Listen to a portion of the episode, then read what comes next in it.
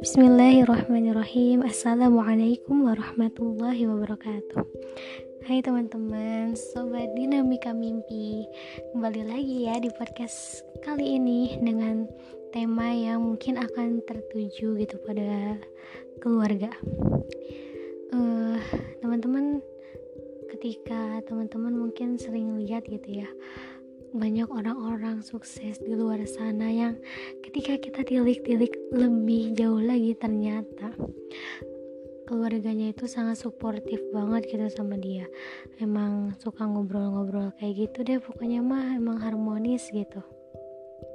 Tapi ketika kita menengok ke keluarga kita sendiri gitu mungkin aja gitu ya di antara teman-teman ada yang pernah merasakan hal ini jadi sepertinya gitu bagaimana aku bisa sukses gitu. Kalau misalkan keluarga aku aja nggak suportif gitu dan terkesan kurang peduli terus nggak ada support system.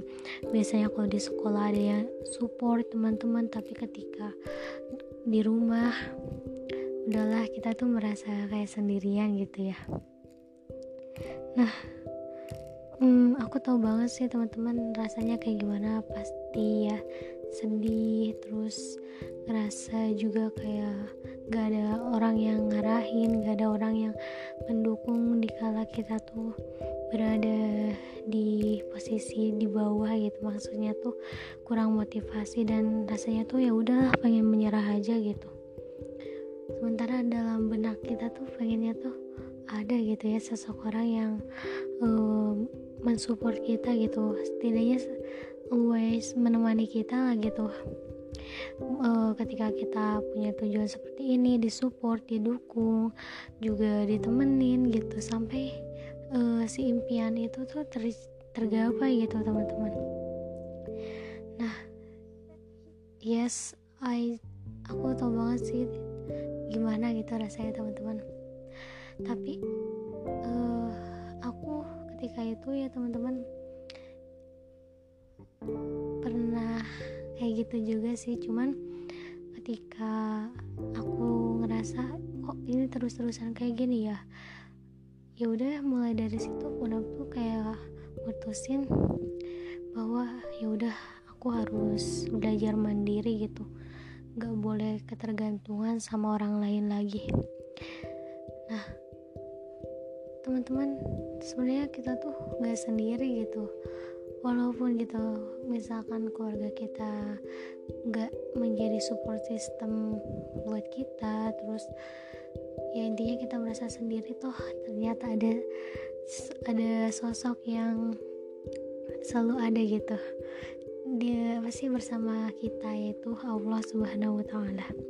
Nah, teman-teman, Allah itu always ada ya every time buat hambanya gitu.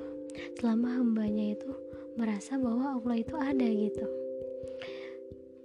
Dan itu tuh emang apa ya teman-teman? Ya nanti tuh bakal kayak ngerasa ternyata aku tuh nggak sendiri gitu. Masih ada Allah yang selalu menemani kita gitu kalau waktu itu pernah pernah baca salah satu buku dari karangannya Ustadz Alfi Ghazi itu. Intinya ketika kita merasa lelah gak ada support system yang mendukung kita pulang gitu teman-teman ke Allah. Maksud pulang di sini bukan berarti pulang ke kematian kayak gitu ya teman-teman. Maksudnya adalah ketika sholat ketika kita sholat gitu kita tuh tumpahkan gitu segala rasa yang rasa sedih kita rasa senang kita gitu. Curhat aja gitu sama Allah ya Allah harus kayak gimana ini? Aku tuh udah bingung ya Allah nggak ada support system gitu di keluarga. Juga uh, teman pun ada cuman berjarak di apa sih disekat oleh jarak gitu yang cukup jauh gitu. Ya walaupun hanya di chatan itu terasa kurang feelnya tuh kurang gitu. Nah di situ curhat aja gitu teman-teman. Dan uh, kalau misalkan kita udah curhat kita tuh harus bangun rasa kemandirian teman-teman. Oke aku harus berjuang. Uh, jangan sampai gitu karena lingkungan yang kurang mendukung juga uh, apa sih nggak ada support system nggak ada yang nemenin kita pokoknya mah kita tuh sendiri gitu ya. Jangan sampai itu menghalangi impian kita gitu teman-teman. Uh, emangnya teman-teman mau gitu impian teman-teman tuh terhalang karena ada karena lingkungan yang nggak mendukung gitu. Nah jangan sampai gitu teman-teman. Toh uh, apa sih kita kan nggak tahu gitu kita hidup sampai kapan. Apa pengen kita uh, ketika kembali gitu kepada Allah kita, kita apa sih uh, keadaan kita tuh uh, apa sih dalam dalam keadaan kita tuh nggak nggak tercapai gitu si impian itu. Jangan sampai kayak gitu teman-teman setidaknya gitu ketika kita kembali adalah impian yang udah tercapai gitu oleh diri kita pribadi. Nah, oke okay, teman-teman, uh, aku meyakin sih teman-teman pasti bisa gitu ya.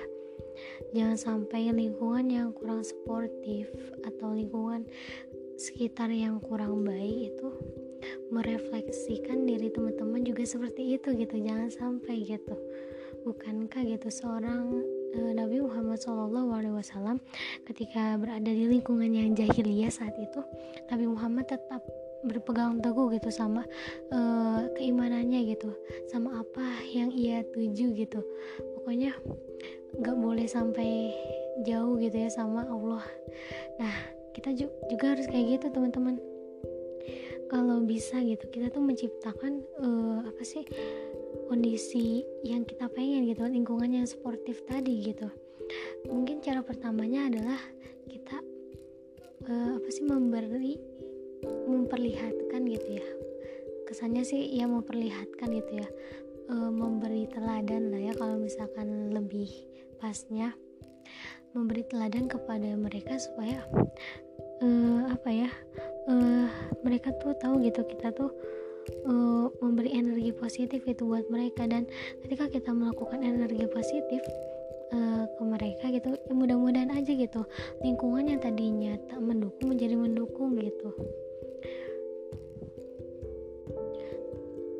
Toh bukannya Allah tuh pernah bersa apa sih berfirman gitu teman-teman di Quran bahwa pada intinya Allah itu merubah suatu kaum ketika kaum itu pengen merubahnya gitu.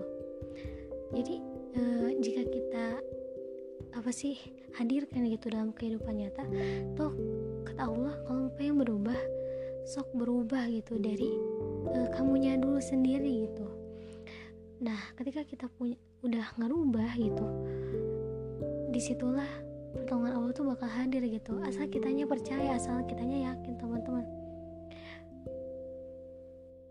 ya Puna tahu banget teman-teman berubah itu emang cukup melelahkan gitu.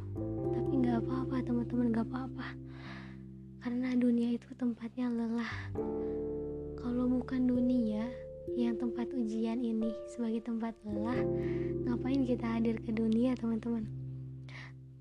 Allah menghadirkan kita ke dunia karena Allah tahu kita kuat.